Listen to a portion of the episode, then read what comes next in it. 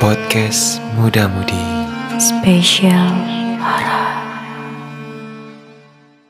Hai, Kembali lagi bareng kita berdua di podcast Muda Mudi Spesial, Spesial Horror. Horror. Bareng sama gue Jupe, dan gua Farid kita berdua akan ngebahas tentang segala macam cerita-cerita horor. Baik itu dari pendengar podcast Muda Mudi Spesial Horror atau teman-teman yang mungkin mengirimkan ceritanya kepada kita berdua. Dan podcast Muda Mudi Special Horror akan selalu ditayangkan setiap malam Jumat jam 7 malam. Teman-teman bisa mencari atau mendengar secara langsung di seluruh podcast platform Terkhusus di Spotify. Dengan cari saja di podcast Muda Mudi Special Horror. Oke, dan eh, sesuai dengan judul kita pada malam hari ini, kita selalu malam hari ya kalau rekamannya. Betul sekali, ini pukul 11 malam Pukul 11 malam. Dan kita nggak cuma berdua, Mhm. tapi lagi-lagi kita mengundang salah satu pendengar yang hari ini, malam ini lebih tepatnya, akan membagikan cerita pengalaman pribadinya terkait eh, cerita mistis tentunya. Betul sekali. Di sini kita sudah punya Anggi, Anggita yang saat ini terhubung lewat telepon, telepon, ya. betul sekali. Oke, mungkin langsung saja kali ya. Halo, selamat malam Anggi. Hai malam, Apa kabar Anggi? kabar baik, alhamdulillah. Baik ya.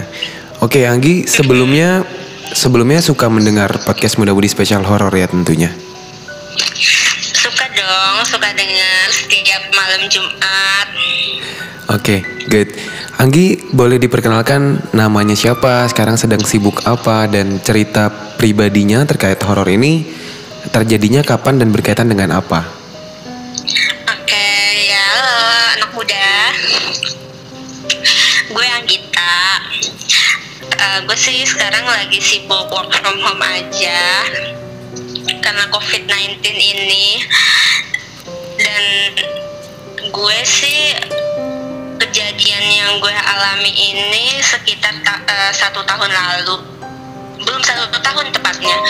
Di tahun 2019 bulannya tuh September sampai Oktober. Sebenarnya serangan parahnya itu kayak satu bulan gitu di bulan September.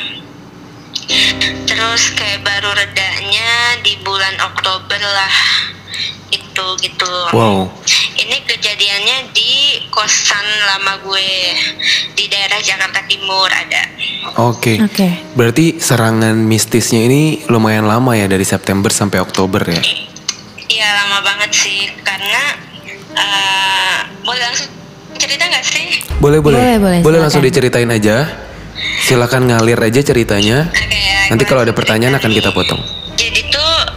Sebenarnya kosan gue itu eh, tipe kosan yang dalam eh, rumahan gitu. Jadi eh, kosan gue nyatu sama ibu kos gue. Oke. Nah ibu kos gue ini tinggal sama anaknya doang tuh satu orang Anaknya laki-laki masih kecil Kosannya tuh awalnya itu homey banget Kayak yang gak ada apa-apa Tenang gitu kan. Sampai kosan eh, kejadian horor di ini tuh terjadi karena Ibu kos gue merenovasi rumahnya. Nah lo tahu kan jadi kan dia tuh eh, bangunannya tuh bangunan tua gitu. Katanya sih terakhir renovasi sekitar tahun 90-an dan itu bangunan tua. Nah kalau kita mau renovasi kan katanya nggak boleh sembarangan harus izin ini izin itu dulu kan apalagi kalau itu rumah tua. Nah tapi ibu kos gue tuh tipe orang yang nggak percaya akan hal-hal kayak gitu. Karena menurut dia ini rumah gue gitu kan ini gue yang tinggalin. Kalau ada makhluk lain yang mau uh, nempatin ini ya lo mesti ikutin kata gue lah secara gue tuan rumahnya ibu kos gue berpikiran seperti itu Oke. maka ketika dia mau merenov rumahnya ya udah main renovasi aja gitu awalnya sih ketika direnov kayak ruang tamu nggak apa-apa masih aman sampai ini tuh kejadian karena ibu kos gue ngebongkar kamar mandi Oke. dan merenov total dapur. Nah, gue sih sebagai manusia modern gitu kan, tapi gue mempercaya adanya hal-hal gaib kayak gitu. Cuman ya ya udah gitu. Awalnya gue cuek nih sampai akhirnya setelah renovasi si kamar mandi itu dimulai dua tiga hari pertama itu hawa kosan tuh udah mulai kayak panas lo pernah nggak sih lo kalau misalnya datang nih ke tempat yang emang lo nyaman banget itu kan kerasanya tuh adem ya. Iya. Nah, tapi ketika gue masuk ke kosan gue ini, ketika udah di renov tuh kamar mandi, tiba-tiba tuh hawanya panas, bukan panas karena cuaca, tapi kayak nggak tenang aja gitu hati. Oke. Kayak panas deh gitu bawaannya beda sama sebelumnya.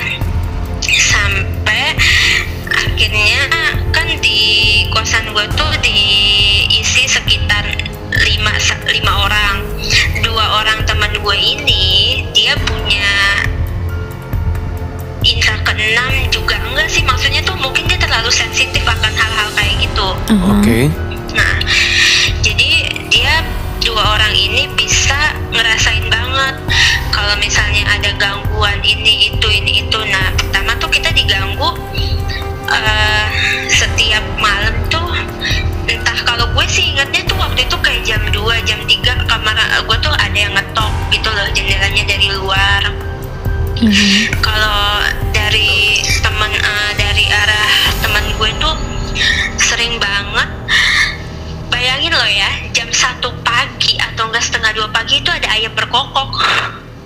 Oke. iya ada ayam berkokok nah di daerah eh, deket-deket kamar teman gue terus kamarnya itu suka diketok-ketok gitu dari luar juga Mhm. Nah, sampai waktu itu kita juga sih sebenarnya agak kayak gimana ya? Eh, terlalu cuek mungkin ya, nggak menghormati atau apa. Kita karaokean di kosan gue tuh kebetulan fasilitasnya oke banget. Jadi tuh kayak ada eh, home theater gitu, kita bisa karaokean. Oke. Oke. Kejadiannya itu gue lupa antara malam Rabu atau malam Kamis. Pokoknya kita karaokean sampai jam setengah sebelas. Terus tiba-tiba, aduh gue sampai merinding kalau inget. Kayak ada bau amis aja gitu. Ah. Bau anyir gitu ya? Iya bau anyir gitu, bau anyir eh, bukan darah sih, bau anyir campur bau busuk. Terus kita langsung kayak diem-dieman masuk ke kamar masing-masing kan. Nah, udah gitu mau kayak mau tidur nggak bisa. Akhirnya karena kita semua ketakutan, kita tidur di satu kamar. Nah, hari pertama setelah karaokean itu ya udah nih tidur di satu kamar bareng-bareng ngerasa aman besoknya kayak biasa lagi kita kerja pulang yang ngumpul nah itu tuh kalau nggak salah sekitar eh, hari kedua setelah karaoke ya oh iya hari Rabu Kamis Kamis Kamis. Berarti hari Kamis tuh kita pulang bareng-bareng lagi makan. Makan malam biasa. Tiba-tiba temen gue pulang nih ngantor. Terus mukanya ya udah dia lemes gitu kan. Eh dia tiba-tiba jerit-jerit gitu kan. Langsung kayak nangis gitu. Ini kenapa? Ini kenapa? Oh, dia kesurupan. Hmm. Nah, si teman gue ini kesurupan. Eh, temen gue satu lagi tuh dua orang kan yang punya hmm, ibaratnya yang kayak sensitif banget gitu. Eh, teman gue yang satu lagi kesurupan juga. Jadi dua orang tuh udah kesurupan. Kita yang liatin sisanya cuman bisa baca-baca dong istighfar kayak gini-gini. Eh, gue nggak tahu kenapa waktu itu dan gue juga kena gue juga kesurupan. Mhm. di hari itu sampai akhirnya kesurupan massal ibaratnya udah massal kan itu tiga orang tuh kita kesurupan semua manggil lah kiai gitu kan. Orang situlah orang pinter kita diobatin gini gini gini. Diceritain ternyata yang selama ini menunggu kamar mandi itu tuh kayak keberatan. Dia tiba-tiba kok bongkar kamar mandi dan keberatan dipindahin juga? Dia nggak mau pindah gitu kan. Nah terus akhirnya mungkin nggak tahu deh uh, ada diskusi alot kali ya antara si yang Pak Ustadz ini sama si penunggu kamar uh, kosan gue ini dia maunya gimana gitu kan sampai uh, dia minta dipindahin ke adalah kamar mandi sebelah lagi dan ibu kos gue nggak terima juga. Akhirnya tuh masih satu malam itu tuh yang benar-benar berat kayak ada diskusi antara Pak Ustadz dan penunggu kosan gue ya, akhirnya dapat keputusan. Katanya dia mau di situ dulu. Dia nggak akan ganggu.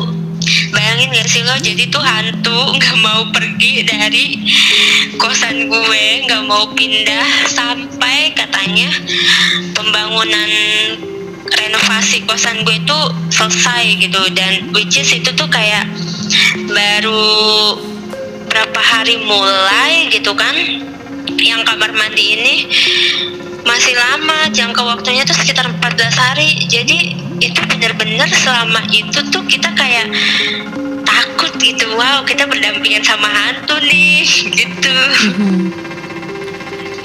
Ya dari api serangan yang besar itu tuh kayak ada gimana ya sering kayak bau amis, bau anjir gitu kan.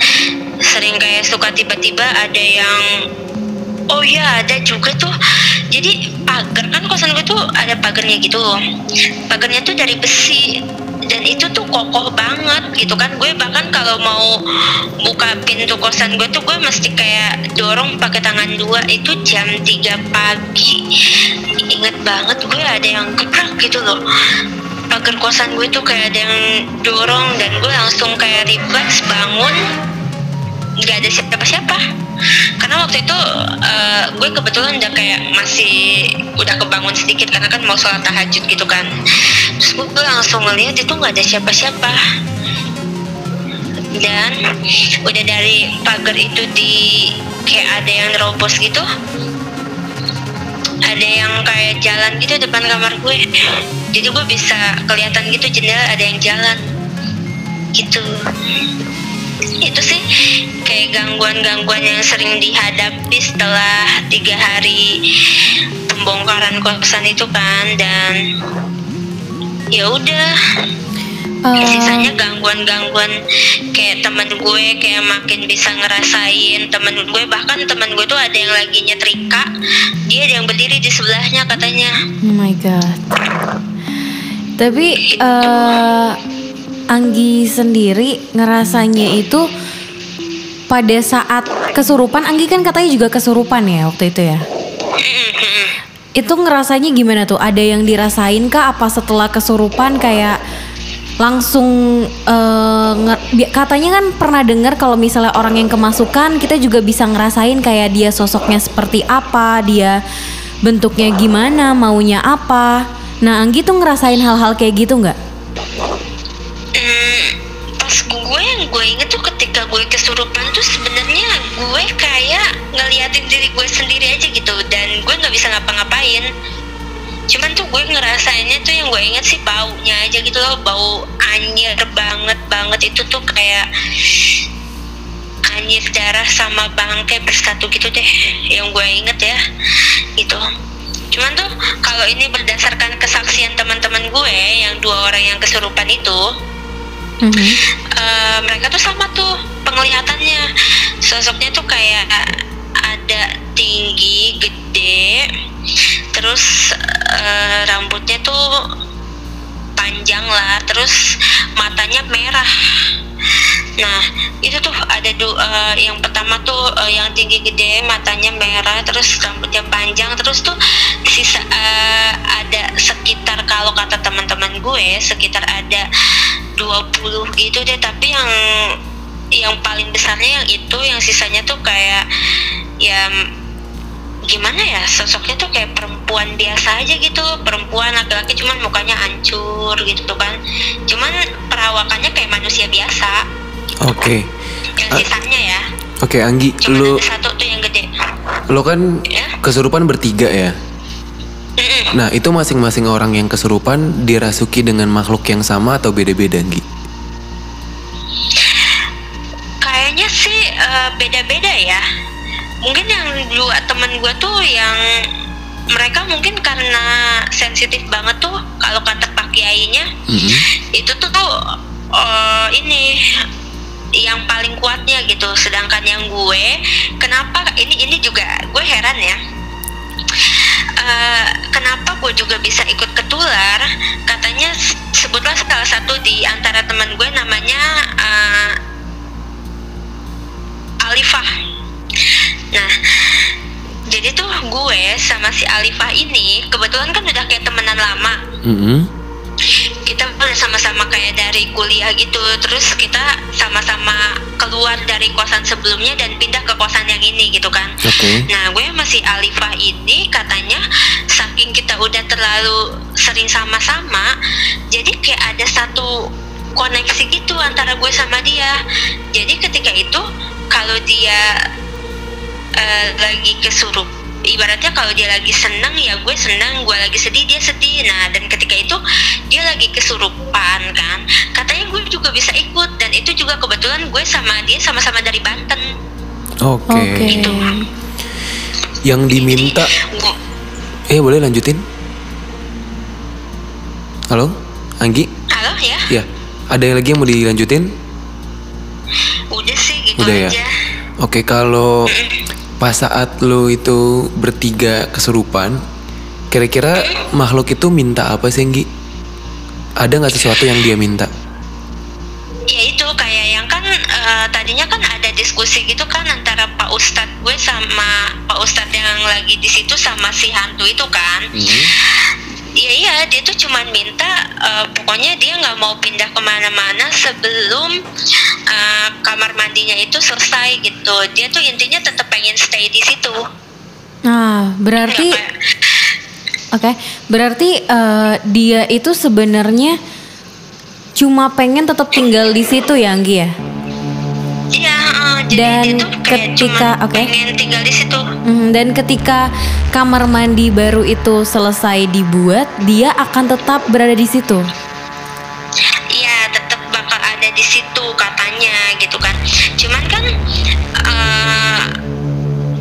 Ibu kos gue tuh jadi nggak berterima gitu kan. Ya. Nah, jadinya eh, gimana nih? Akhirnya setelah si kamar mandi itu selesai, dia kayak mau nempatin sekitar beberapa hari doang, katanya kan tujuh hari atau berapa gitu kan. Terus nanti dia minta dipindahin ke eh, Turen. Oh, di tempat toren ya. Turun, Hmm, eh, turun air. Hmm. Pokoknya dia pengen tinggal di turun air. Ya better sih kan turun air ada di luar gitu kan. Oke. Udah sih. Em, serangannya kan ada yang katanya ketok-ketok pintu, ada orang jalan gitu kan Gia. Itu lu pernah ngelihat sosoknya nggak yang jalan atau yang ketok-ketok pintu secara nggak langsung misalnya, nggak sengaja? Kalau misalnya ngelihat langsung pakai mata kepala gue langsung kayak berhadapan sih enggak. Cuman yang waktu itu itu yang dia tiba-tiba ada yang nge buka pagar. Gue waktu itu kan kebetulan mau sholat tahajud tuh. Mhm. gue lang- eh, setelah ada pagar gue kayak didorong gitu tuh pagar kosan didorong terus ada yang jalan depan kamar gue gue sih cuman kayak ngeliat bayangannya aja Oke. nggak kayak ngeliat sosoknya gitu kayak enggak Em, setelah kejadian itu Gi, setelah serangan itu terjadi dari September sampai Oktober, ada lagi nggak yang bikin eh, lo dan teman-teman lo di kosan itu ngerasa nggak nyaman lagi tinggal di kosan itu? kalau misalnya oh kalau kayak serangan yang sama kayak dulu enggak cuman tuh gue lupa percisnya tuh di bulan apa. Cuman tuh kayaknya udah ada si covid ini. Kalian kalau nggak salah antara Februarian deh. Februari atau Maret gitu kan. Itu teman gue ada satu orang kesurupan. Oke. Hmm. nah. Untuk saat ini lo masih untuk saat ini lo masih tinggal di kosan itu juga nggak? enggak sih gue nggak eh, semenjak covid ini gue udah kayak lagi eh, keluar gitu dari kosan gue Oke oke. itu cuman kemarin tuh eh, terakhir serangannya itu sih yang dia temen kosan gue tuh dia tinggalnya di lantai atas nah dia kesurupan dia mungkin juga karena lagi capek terus menstruasi gitu Mhm. dan dia mandi malam-malam lupa buang pembalut deh kalau nggak salah gitu deh Oke, itu kesurupannya dengan dengan makhluk yang sama kah atau atau berbeda? Ma- eh, mungkin ininya penunggunya eh, sama tuh sama yang sebelumnya tapi bukan yang si empuknya gitu loh bukan Oke. yang paling saktinya mungkin kayak anak buahnya gitu Hmm. gitu sih Oke. Dan eh, kalau berdasarkan Pak Ustadz yang datang ke situ mhm. dan eh, Anggi eh, ibu kosan lo tuh pernah cerita nggak sih kayak sebelum ada bangunan kosan itu sebelumnya tanah itu tuh apa tanah bekas kuburan kah atau bekas bangunan yang lain kah?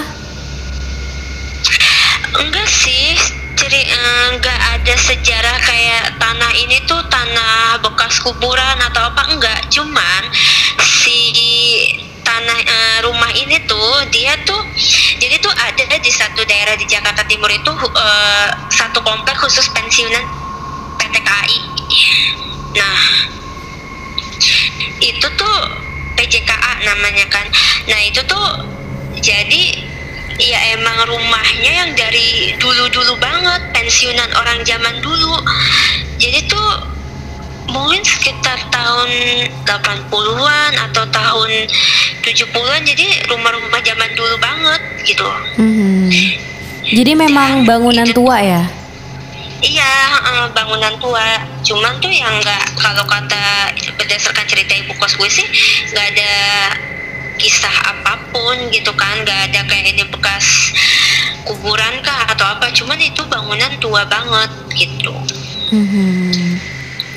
Oke, Anggi, thank you banget udah sharing pengalaman pribadinya tentang horor ini, tentang kosan lo ini. Eh, next time kalau ada cerita-cerita lagi kita bisa open untuk di sharing lagi Anggi ya. Oke, iya siap. Sip sip, thank you banget Anggi, sehat selalu. Terima Iya, kasih Anggi. Wow, Oke. lumayan caur ya. Lumayan. gue yang paling gue inget banget itu adalah ketika si uh, hantu itu nggak mau pindah gitu walaupun si kamar mandinya ini udah diperbaharui. Betul. Jadi Kalau- kebayang gak sih lo mandi di walaupun kamar mandinya udah baru, tapi lo tahu gitu kalau seandainya masih ada sesuatu yang tetap ingin melekat di situ gitu.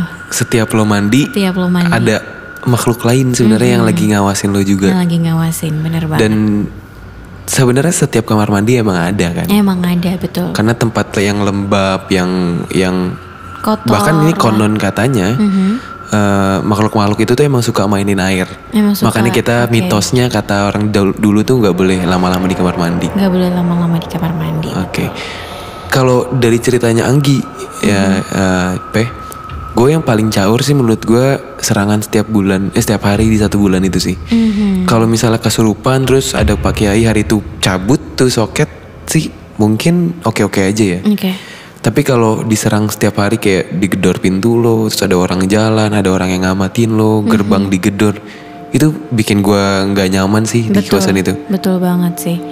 Emang eh, maksudnya lebih terasa nyata ya eh, kayak teror-teror itu tuh karena sebelumnya udah tahu juga kan eh, penyebabnya apa dan setelah ada kejadian besar itu ada kejadian lainnya lagi yang beriringan datang setiap harinya ya itu pasti ngebuat kita nggak akan pernah bisa hidup nyaman lah gitu Betul, betul. ibaratnya ya. Ya, tapi semoga yang mengalami kejadian serupa seperti Anggi itu cuman Anggi aja.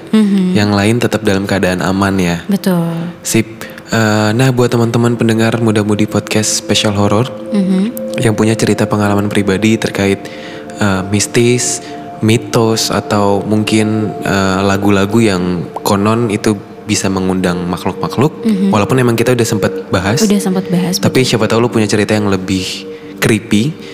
Boleh banget di-share ke Instagram atau Twitter kita aja. Hit, hit us up ya. Iya, betul Di banget. @pemuda_fm. Betul. Atau kalian juga bisa untuk eh, mengirim cerita kalian ke email kita di pemudafm@gmail.com. Betul banget. Pokoknya kita akan selalu ngecek cerita-cerita yang sekiranya dikirimkan oleh eh, pendengar dari podcast Muda Mudi. Oke lah kalau gitu. Sampai eh, ketemu lagi sampai di ketemu podcast lagi. Muda-mudi Special Horror episode Selanjutnya. selanjutnya. Bye. Hai anak muda, Jangan lupa dengerin podcast Muda Mudi hanya di platform podcast digital favorit kalian setiap hari Senin jam 7 malam. Jam 7 malam.